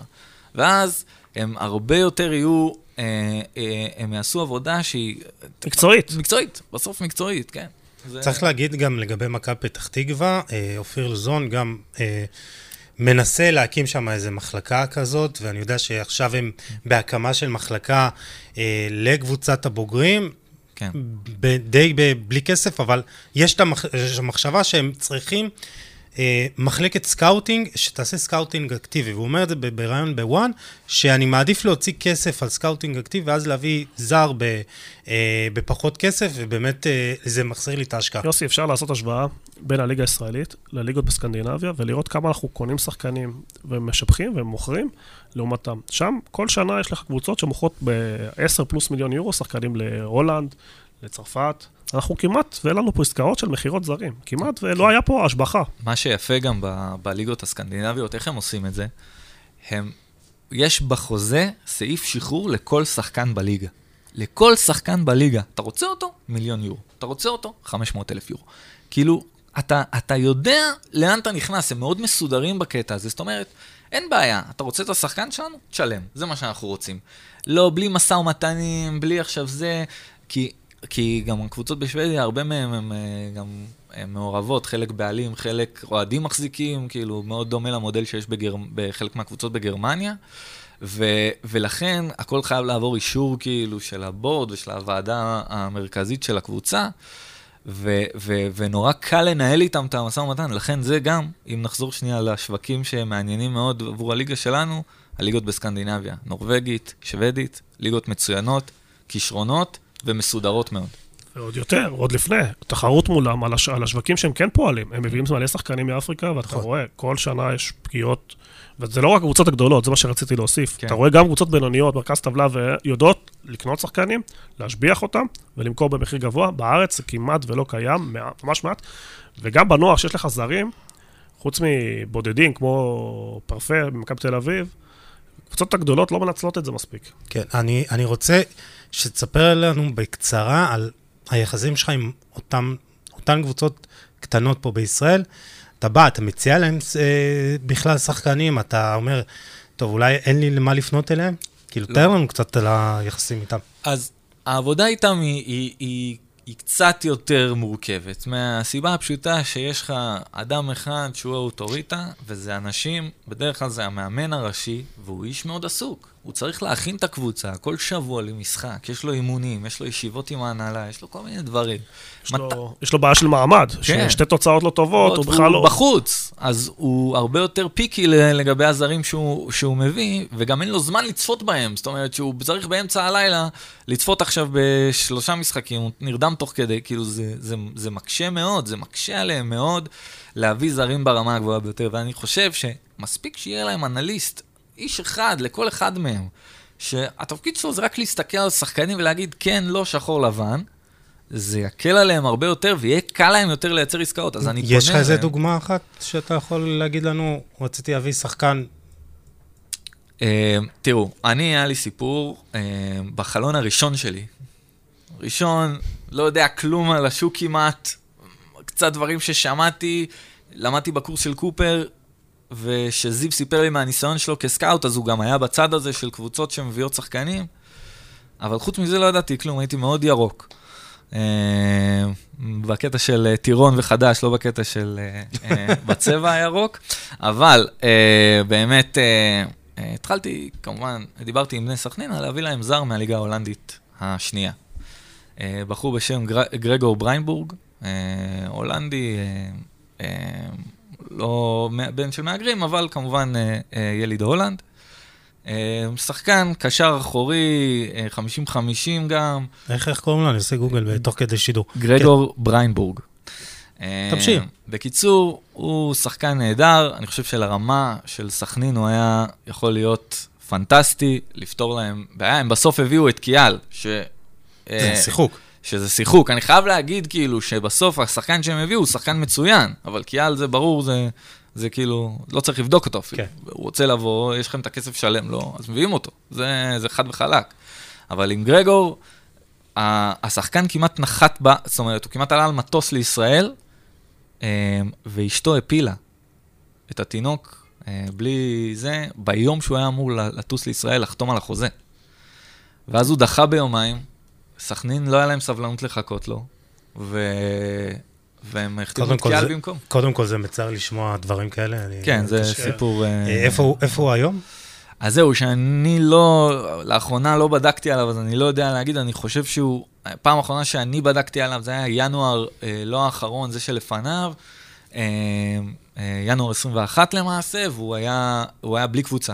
אני יודע, אני לא זוכר מה הסיפור טוב, שלו כיום, אבל... אולי שווה להביא אותו לביתר, משהו, משהו לביתר. בוא נדבר בקצרה על ביתר, כי זו באמת קבוצה שקרובה אה, לליבי. אין כסף, אבל אתה, אתה רואה שביתר חייבת עוגנים בהרכב, שניים, שלושה עוגנים לפחות בשביל... אני חושב לשרוד. שקודם כל חייבים שוער. כן, תקשיב, זה... הנה, יש, יש פה שוער אה, בעברו, אה, יוני מונפו, מה אתה אני חושב חושב באמת? שביתר צריכה להוריד סימני שאלה, יש לה יותר מדי סימני שאלה, ואני מתחבר אליו מאוד. יש לך סימן שאלה ב- בעמדת השוער, יש לך את בוריס קליימן שעושה סימנים לפי ה- זה שהוא מתראיין ו- ומאוד רוצה לחזור לארץ. תוריד סימן שאלה. אני גם לא יודע, אה, אתה אומר שאין כסף, מצד שני החתימו זר ב-200 אלף יורו, זה לא נשמע לי שאין כסף. זה אומר, כן, והוא פצוע, אתה מבין? זה מה שמשגע אותי. כן. כלומר, אז מה, אולי... כאילו, לא יודע, אה, אין סקאוטינג? כלומר, אה, אולי יש, כן יש כסף, רק אה, לא מנותב לד- לדברים הנכונים. אני לא כל כך אה, אה, מקבל את הגישה, סך הכל השקיעו כל כך הרבה, אז עוד לא תשקיע עוד איזה חצי מיליון מיליון בשביל להבטיח את ההישארות. לרדת ליגה עולה הרבה הרבה יותר כסף. הרבה הרבה יותר. אני... בר, מה אתה היית עושה? באמת בביתר? תראה, אני חושב שביתר, קודם כל, כמו שאמרתי, הם חייבים שוער, כי זה פשוט... זה... יש לך שוער בשבילם? נעביר להם בוואטסאפ. אה, יש לי, יש לי איזה שוער זר, אני כרגע עכשיו, אנחנו... שט, זה לא שטקוס. לא, אנחנו בתהליכי אה, בדיקה אחרונים עליו, ואם אה, באמת... לביתר? לביתר, אם הוא באמת יתאים, אנחנו נשלח אותו לגל כהן וכפיר אדרי, מולם אני מנהל את ה... אתה מבין? גל כהן עוזר מאמן, כפיר אדרי, אין... טוב, בסדר.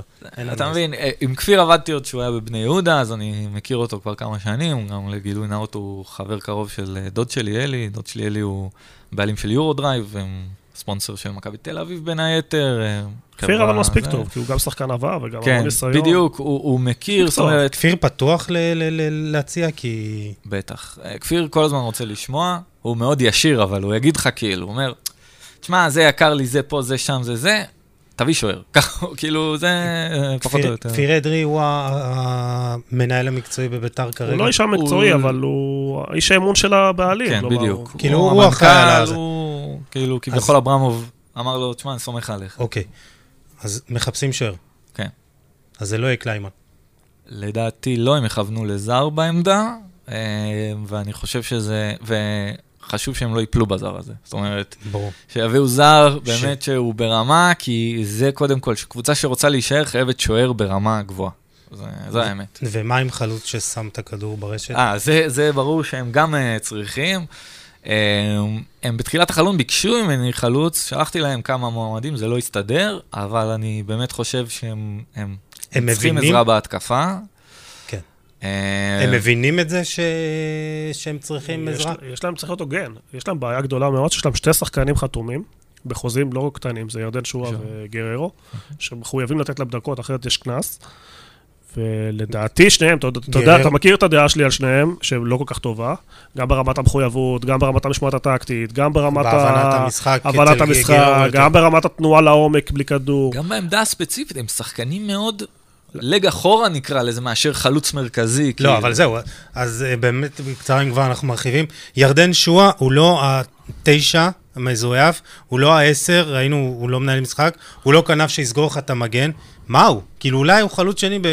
בשלושה בלמים, עם אני striker לא- כזה לידו. אני עומד לי על הלשון ואני לא רוצה לעשות את זה. יש לי חבר טוב, ב- אחד הבכירים בכדורגל הישראלי, שאלתי אותו אם התדמית שלו היא כזאת גרועה כמו שעושים, או שמגזימים בעיתונים, והייתי בטוח שמגזימים. הוא אומר לי, הוא הרבה יותר גרוע ממה שאתה מדמיין, הוא הרבה הרבה יותר גרוע ממה שאתה מדבר, מבחינתי הוא לא שחקן, וזה בן אדם שבחיים לא אמר מילה רעה על אף אחד. טוב, אחר כך תגיד לי את השם. לא, אז, אז, אז יש גם חלוץ לביתר שיכול להגיע? אתה מבחינתך היית שולח להם. כן, כן, אבל uh, אני חושב שהבעיות שלהם הם קודם כל במרכז השדה. תקשיבו, זה מלבד שוער אתה שציינתי... מכיר את הטרזי תומאס שהגיע?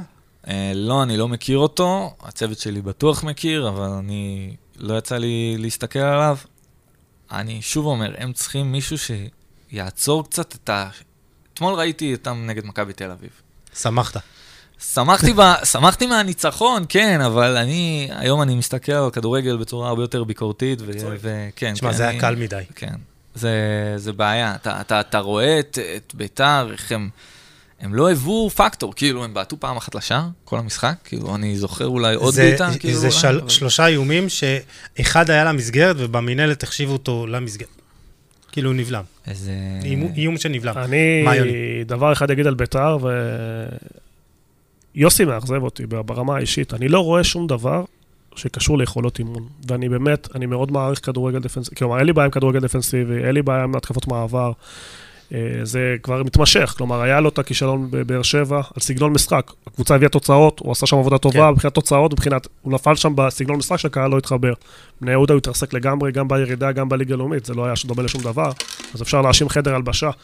אבל מחזור, אנחנו חמישי שוב, ביתר לא דומה לשום דבר. אין בעיה שאתה לחות, אין בעיה לשחק דפנסיבי, אין בעיה גם לשחק בונקר. אין בעיה, באמת. אתה יכול לחות, לשחק בונקר זה לא בושה, אבל לא ראית שום דבר. כן. שום דבר ברמת אימון. מסירות, גם המתפרצת של אספריה, לא ראיתי שם איזה, גם אלונס ציונה דרך אגב, לא ראיתי איזשהו תבנית התקפה מסודרת, אין, שאתה. אומר, אוקיי, אני לוחץ לצד שמאל, מעמיס על הצד הזה, יוצא דרך שחקן כזה מסוים, וזה נראה נורא, אה, נורא מאוד מקרי. אה, שוב, יש המון אה, תירוצים, שחקנים הגיעו מאוחר, אבל זה לא מתקדם, זה לא נראה טוב. אתה חייב להסכים, אתה מסכים עם זה, אתה אומר. שתיקה כהודעה. כן. אה, אני לא... תראה, אני אוהב מאוד את יוסי, אה, למרות שאני אוהד מכבי תל אביב. אה, יוסי, אני קודם כל חושב שהוא איש מקצוע. באמת, וזה... תתפלאו כמה זה נדיר בכדורגל שלנו. אנשים שהם באמת מכבדים ואוהבים את המקצוע שלהם. אז יוסי אוהב את המקצוע, והוא מאמן לדעתי שעשה עונות מצוינות בבני יהודה וב, ו, ולפני כן. אה, ואני באמת חושב שאני ציפיתי ממנו לראות לפחות בית"ר יותר מסודרת בהגנה, כאילו לפחות את זה ציפיתי לראות, ואתמול, תשמע, אני רואה כאילו מכבי, אה, כאילו שברו את, ה, את הבונקר הזה פעם אחר פעם, כאילו די כן. בקלות. תשמע, כאילו, 30 דקות ראשונות אתה אומר, עוד ניחא, בסדר, כן. הצליחו, אבל... כן, אבל ראית שאיביץ' הכין אותם, ידע בדיוק מה יסגור, ידע מי לא יסגור, וידע איך להעמיס על המקומות הנכונים כדי לייצר יתרון, וראית מי זייף גם בהגנה, שגררו לא סוגר, ואספריה לא סוגר, ואז שועה. ואז כן. שועה לא סוגר, ו- ובסוף, אז זה מביא את היתרון המספרי, כי הבלמים של ביתר שניהם, עד אה, שדגני נפצע, לדעתי, עשו משחק טוב, כלומר, הפסידו 4-0, כן, ושתי הבלמים עשו משחק טוב. כן, כלומר, בסדר גמור, כן. כן. אה, שוב, אני לא רוצה להגיד שיוסי הוא, אני לא משתמש במושגים כאלה, אבל כרגע, ברמת הציפייה, יש אכזבה. אני לא יכול שלא להסכים, פשוט ביתר לא נראית, אה, לא דומה לכלום. אה, ממש ככה לקראת סיום, אתה רואה, אתה רואה בישראל איזה שינוי חיובי, אמרת דווקא ממחלקות הנוער, מתי זה יגיע לבוגרים? אז אני חושב שזה מתחיל לאט לאט לחלחל גם לבוגרים. כאילו, אנחנו, אנחנו רואים את זה, אה, מתחילים למנות פה איזה אנליסט קטן, שם איזה, איזה scout. זה מתחיל לאט לאט, לא- אנשים צריכים להבין, scouting זה רק לטובתך. זאת אומרת, scouting, אתם לא מבינים מה זה עושה, זה כאילו, זה מוריד את, ה, את, ה, את הסיכוי נפילה של השחקן, את הסיכוי שהוא יהיה פלופ בעשרות אחוזים. זה השקעה לעתיד. כן, אתה, אני משלם כסף לאנליסטים שלי כדי שהם ימצאו לי שחקנים טובים. זה, זה בסוף, ה, זה בסוף ה, המטרה, לשלוח שחקנים שיצליחו פה. אני, אם אני שולח שחקן ועשיתי עליו עמלה, אבל הוא פלופ, זה לא טוב לי. טוב לי שאני גם אביא שחקן, גם אקבל עליו עמלה, וגם הוא יפציץ פה בליגה, ואז כולם יגידו, בוא מי הסוכן שהביא אותו, ונלך אליו. כאילו, זה, זה, זה בסוף ה- ה- המטרה. טוב, עשית כבר שתי עסקאות שכבר uh, יודעים מי זה בר שמריך. יש לנו, uh, חלון העברות נסגר ב-28 לספטמבר. Uh, תהיה לך עוד איזה עסקה אחת או שתיים? אני אתה- מקווה מאוד, אני מקווה מאוד. תראו, אה, היתרון עכשיו הוא שבעשרה ימים שנותרו, אנחנו, יש ישראל. למעשה, אתה פועל לבד. גם יש פגרה, אבל ישראל פועלת לבד. זאת אומרת, אנחנו המקום היחיד בעולם שיכול להחתים עכשיו שחקנים. די, באמת? בעולם, כן, בעולם? בכל העולם. יש שבוע אחרי יוון לדעתי, שאתה לבד. כן. ממש לבד. לבד לבד. עכשיו, שחקנים שיישארו בלי קבוצה, זה מבחינתם, בואו, זה, זה בינגו אז מבחינתם. אתה כבר יודע אז אנחנו- מי, מי without a club, with... אז uh, בדיוק, the אז אנחנו כבר. מסמנים אותם, אנחנו כבר עוקבים אחריהם, אנחנו כבר יודעים מי, גם אפשר לעשות גם עסקאות עם כסף, זאת אומרת, שחק... יש שחקנים שהם התחילו את העונה והם לא מקבלים מקום לא בקבוצות מסתדר שלהם, במאמן. כן. בדיוק, כאילו זה, סתם דוגמה, אני אתן לכם שם, לגו ג'וניור, שחקן ממיורקה, בסדר? אה, לליגה, ראשונה, אבל הוא כמעט לא משחק. יש לו 13 דקות נראה לי במחזור השני או משהו כזה. מה הוא משחק? קיצוני שמאלי. אה, גם והוא- בביתר ישמחו לקיצוני שמאלי. ו- תביא. אני לא בטוח שהם יעמדו בשכר שלו, אבל בגדול, זה שחקן שהוא ברמה סופר גבוהה, ליגה ספרדית ראשונה, כאילו, הוא היה מושאל לאורסקה בליגה השנייה, שנה שעברה, ו- והוא נתן שם מספרים לא, לא רעים בכלל, זאת אומרת, זה שחקן שלדעתי, פה בליגה שלנו, הוא יהיה שחקן פנטסטי, פנטסטי, פנטסטי. אז, אז יהיו, אתה אומר, אה, אני מקווה מאוד, אני אף פעם, תראו, אני, אני אגיד את זה ככה, אני לא בדרך כלל מאמין באמונות טפלות. אמה זה אחד הדברים היחידים שאני מאמין בהם, כי אני פשוט uh, ראיתי בעבר איך uh, דיברתי על עסקאות, כאילו כבר הן קוואט אנקוואט סגורות, והן בסוף... Uh, נפל. נפל, כן. אה, אתה אופטימי לגבי העתיד של הכדורגל הישראלי? אנחנו רואים את חיפה בליגת האלופות, באר שבע קונפרנס ליג, נבחרת הנוער, גמר אליפות אירופה, הנבחרת הצעירה, אה, גם אוטוטו. אה, מול מי ש- אירלנד. כן, תבואו, יש אה, זה, אה, קוד סידרתי לכם. קופון, ראיתי. קוד קופון, חולה, H-O-L-E, 50% הנחה. כמה 50% הנחה? 10 שקלים במקום 20. אבל תבואו, קיצור, אם אתם רוצים אה, אה, לגומלין, תראה איך הכנסתי את זה, לגומלין מול אירלנד. לראות את אוסקר גוך 28. בעשרה שקלים? תקשיב, זה מטורף. זה מטורף. מטורף. זה מטורף. אוסקר גלוך, אני... אתה תשלם 100 יורו לראות אותו בפרמייר ליג עוד מעט. אני בדרך כלל לא נוטה לדבר על שחקנים ששייכים לסוכנים אחרים, הוא שייך ל... הוא שחר גרינברג. כן. אחלה שחר, עשינו איתו גם רעיון באותו... כן. כש... שחר אה. אה, בחור מאוד הוא. סוכן אה, מצוין, אבל אני חושב שאוסקר, תראו, הוא חייב לעשות פה את השנה הזאת אה, במכבי, כי אני חושב שמספרים, יוצא לו לטובה דווקא. כן, כאילו- מספרים רק יוסיפו לו, אתם לא מבינים, אנשים באירופה מאוד אוהבים לראות שחקן שנותן גם מספרים.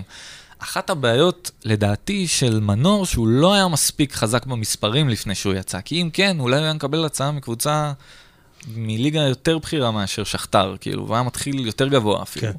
אה, זה, זה דעתי, כי אני מאוד מחזיק ממנור סולומון, אני חושב שהוא שחקן מדהים. אה, אבל אוסקר, יש בו משהו, איזושהי קילריות, שמזכירה לי שחקנים כמו ערן זהבי, כמו אבי נימני, שידעו מה לעשות, כאילו, שחקנים קשרים שיודעים מה לעשות עם הכדור ברגע שהם מגיעים לשליש האחרון. כאילו, לא מתבלבלים. הם רואים מולם בלם, הם לא שנייה, אה, אה, מה אני עושה? הם ישר חותך טק, בועט, כאילו. הוא גם מה-. מה הסכום העברה שאתה חושב שמכבי צריכה למכור? דעתי, כי דיברו על 7, 10 מיליון. אני חושב שאם הוא יימכר ב-8 מיליון יורו, זה, זה עסקה מאוד טובה למכבי תל אביב.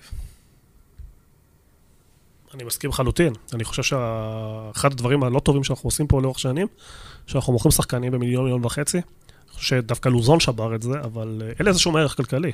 אם אתה- לא, אבל... אבל- אם אתה מוכר שחקן ישראלי מיליון וחצי יורו, מה אתה מביא? אין לך רוצים מה לשמוע להביא. סיפור? הסכום הוא הוא כמו אפס מבחינתי. סיפורים אנחנו אוהבים, כן. כן. סיפור על ליאל עבדה. Um, אני חבר uh, טוב מאוד של אופיר לוזון, ציינתם אותו מקודם, הוא איש מקצוע נדיר מבחינתי. להביא אותו, להביא אותו טוב. לפודקאסט? חייב, חייב, חייב, תביא אותו, הוא איש באמת מדהים, uh, גם איש מקצוע וגם בן אדם, פשוט כן. סופר נחמד. Uh, והוא היה בקשר uh, מאוד טוב עם uh, ליאל, הוא גידל אותו כמובן כ- כשחקן, והוא בקשר מאוד טוב עם המשפחה, הוא אמר לי, תשמע, אם אתה מצליח להביא לו הצעה מאירופה, הוא שלך. הבאתי לו הצעה מאספניול, בעבור שני מיליון יורו. זה לא היה מספיק בשביל אבי, ולכן העסקה נפלה. הוא רצה ארבע. הוא רצה ארבע. כמה הוא נמכר בסוף? ארבע. בארבע, לסלטיק. ארבע. כל הכבוד. לא, עכשיו... לליאל לא היה, לא היה סוכן עד שהביאו לו עסקה. דודו כן. חתם איתו עסקה, דעתי גם הוא עשה עסקה והוא כבר לא מייצג אותו. הוא כבר לא, לא לא, מייצג אותו, הם, היום לקח אה, אישור היום. ליאל חתם אצל סוכן בשם חוסיין, הוא סוכן אנגלי עיראקי. גר בדובאי, הוא הסוכן של אנטוני רודיגר, בין היתר. זאת אומרת, אה, מדובר באיש שהוא... אה, ותשמעו טוב, ריאל, מה אתה אומר? אני מחכה ל- ל- ליום שריאל, או ברצלונה, או מצ'סטר ישימו הסוכן- שחקן ישראלי. טוב, הסוכן הזה בן 23, וואו. והוא כבר מייצג את רודיגר. וואו. הוא יהיה אחד הסוכנים הכי גדולים בעולם יום אחד, אני מבטיח לכם את זה, והוא חבר קרוב שלי. אה, אני עשיתי את החיבור לאופיר ולליאל, כך שזה. באמת. הוא יהיה שם דבר, וליאל לדעתי, אני מקווה שסגרת מעטפה רק. שתיקה. אה, ו- אה, ובאמת, אה, אני חושב שליאל גם יגיע רחוק מאוד. כאילו, אנשים לא מבינים, הוא יכול להגיע אפילו רחוק יותר ממנור, לדעתי. אני מאוד מקווה. מילה קטנה על סכומי העברה. מו- מודריק של אה, שכתר. שמע, אה, שכתר אה, אה, ויתרה על הצעות של 30 מיליון אה, לירות סטרלינג, ואני אומר, בואנה, למה שחקנים אוקראינים שווים יותר פי 5-6 ממנור סולומון, למשל, וליאל עבדה? זה נטו, כי אין להם דרכון. אם לאוסקר היה דרכון זר, למה לאוקראינים אה, זה? יכול- הם לא נחשבים זרים? אה, לא, זה לא קשור. העניין הוא שהוא פשוט, אה, אה, אני, אני בסוף אומר שאוקראינים נחשבים כאילו אירו- אירופאים. אה, יש פה שתי דברים. א', כמובן שהמספר הזרים, נגיד בריאל מדריד יש שלושה, אם אתה לא כן. ברזילאי, הסיכוי שלך להגיע לריאל מדריד הוא אפסי. דרך אגב, אה, לונין הוא שוער והוא אירופאי, הוא צודק. אה, אחד זה דרכון. דבר שני זה תדמית. כל שיש לך שחקנים ישראלים שמצליחים, רמת השווי של שחקן ישראלי תעלה. קיצור, אתה רואה ש- שיצאו, שיצאו החוצה. בדיוק, אתה עושה ייצוא, אה, עסקה מוצלחת. שוב, גם לקחת אנשים למקומות הנכונים, לא סתם להקפיץ אותם ל- ל- ל- לרמה שלא יכולים אה, להצליח. אה, ושוב, להגיע מוכן בכל הרמות, ברמה הטקטית, ברמה הפיזית, ברמה הכושר גופני, אה, רמת העצימות של האימונים, אתה מאמן כושר בעברך, אתה יודע, אה, יש הרבה דברים שאנחנו צריכים... קצת בהווה. לא ענית על השאלה, אתה אופטימי לגבי הכדורגל הישראלי? אנחנו אני, במסלול נכון? כן, כן, אני מאוד אופטימי. אני חושב שלאט לאט אנחנו מתחילים לצמצם פערים מהליגות ביניים נקרא להם, הליגות ה- לפני ה top 5 או ה top 6. אה, אנחנו מתחילים לצמצם אליהם פערים. אני לא יודע אם המחצית הטובה של מכבי חיפה נגד פריז היא האינדיקציה לכך, אני לא חושב. אני חושב ש... אה, בלי לזלזל במכבי חיפה, אני חושב שהם עשו מחצית מדהימה לקבוצה ישראלית, אבל אני יודע גם שפריז, כי אני צופה בכל המשחקים שלהם כמעריץ של מסי, הם קצת היו רמת בהילוך. עצימות כן, נמוכה. בדיוק. אני חושב שליגת האלופות בכלל לא צריכה להיות, כלומר, הם לא המדד. אתה לא יכול אה, לוותר על תענוג של לעלות ליגת האלופות, גם מבחינה כלכלית וגם מבחינה תדמיתית, אבל אני לא חושב שבכלל זה מדד לכדורגל ישראלי, אנחנו צריכים לשאוף לליגה אירופאית, ליגת קופס קבוע, שלוש, ארבע, שלוש נציגות באופן קבוע, וזה הישג יפה, ולהתפתח משם, גם אה, מונדיאל, אה, כלומר, מבחינתי להגיע למונדיאל אחד, ואז 20 שנה כלום לא שווה, ואם אתה תגיע חמש-שש פעמים לפלייאוף, ו- ו- ותגלה רמה גבוהה ויציבות יותר גבוהה, זה הרבה יותר אה, מעניין ויותר אמיתי ל- לשווי שלנו, אנחנו גם לא צריכים לקפוץ לרמת ציפיות שאנחנו, בסך הכל אנחנו מדינה קטנה. אה, כדורגל פה הוא לא הכי חשוב, גם מכל הסיבות הפוליטיות והביטחוניות שיש פה. צריכים להיות, אה, המטרות צריכות להיות בהתאם למקצועיות. אנחנו מכשילים פה מאמנים בלי סיבה, אנחנו אומרים לעלות למונדיאל, אתה מקבל את ספרד וצרפת בבית ואומרים, טוב, הוא נכשל, זה מצחיק. זה. מצחיק, זה מצחיק. צריך לשים, לשים ציפיות אה, בהתאם לחומר שיש, וכן, אפשר להגיע לטורניר גדול, גם כי היורו גדל בצורה פרופורציונלית והולך להיות טורניר של 40 נבחרות, אז כן, אנחנו יכולים להגיע ל-30 ומשהו נבחרות. אתה יכול להגיע ליורו, אבל זה לא, אם זה, אם זה לא יבוא מתוך תהליך אמיתי, מבחינתי זה לא שווה שום דבר, זה מה שאני נכון. אומר. אז אני חייב לפרגן לדוקטור יובל ברק, שהעלה היום באתר של חולה על כדורגל, בדיוק באמת הנושא הזה של...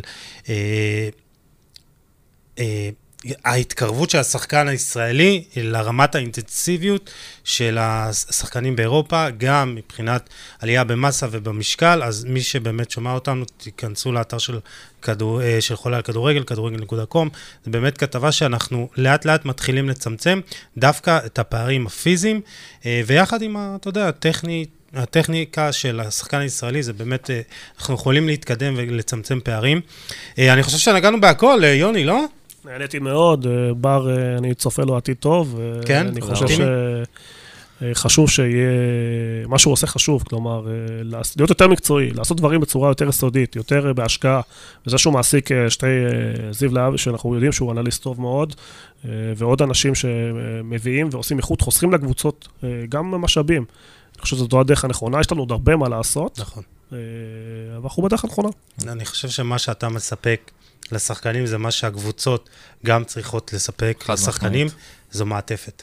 חד זו מילה משמעית. שכל הזמן אנחנו חוזרים עליה. תראה, אני, אני מאמין מאוד בשחקן הישראלי הצעיר, כי גם אני חושב שהשחקנים הצעירים, הם מסתכלים על הכוכבים האירופיים הגדולים, וגם הם לא עצלנים. כן, הם, הם. לוקחים מהם דוגמה. יש לי שחקן, אני אעשה name drop, כי אני חושב שהוא באמת, הוא, הוא יהיה האקזיט שלי, יעד גונן, חלוץ של, אה, של נערים א' של הפועל, הפועל חיפה. זה ערן זהבי הבא. בסדר? זה שחקן, כוכב כדורגל. אמיתי אני אומר, אני מחזיק ממנו מאוד. אה, והוא בא אליי, פתאום, שבוע שעבר, out of the blue, אומר לי שהוא רוצה, כאילו, עוד אימונים אישיים, כאילו, בזה, כי הוא, כי הוא מרגיש שהוא חייב להתחזק פיזית. כי הוא מתחיל להתאמן עם הנוער, ושנה הבאה אולי כנראה יתאמן כבר עם הבוגרים. כישרון מאוד מבטיח, וזה עושה לי תקווה, זה עושה לי טוב על הלב, כי הם גם, הם, הם לומדים ממה שאני מנסה להנחיל להם, והם לוקחים דוגמה מהכוכבים שהם אוהבים, והם משליכים את זה על הקריירה שלהם, ואני חושב שזה סופר חשוב, כי רק ככה אפשר להגיע לגדולה. זה, זה המפתח. טוב, אנחנו נזכור את השם, אה, ובאמת נאחל לו בהצלחה, ולך, בר שמריך, בהצלחה. תודה, תודה רבה. תודה אה, שהיית, שהגעת, שמחתי היה. מרתק. יוני מונפו, כיף גדול, תאמין לי. אורח מספר אחד. אתה, אתה לא אורח, אתה שותף פה בחולה על כדורגל הפודקאסט. תודה רבה. אה, אז אה, תודה לכם, באמת, אה, אנחנו ניפרד מהמאזינים, תודה שהייתם איתנו, כמו תמיד, מוזמנים לשלוח לנו מה שאתם רוצים, טענות, מענות, הערות. ואנחנו ניפגש בפרק הבא עם עוד תוכן מעניין ואיכותי, תשמרו על עצמכם, יאללה, ביי.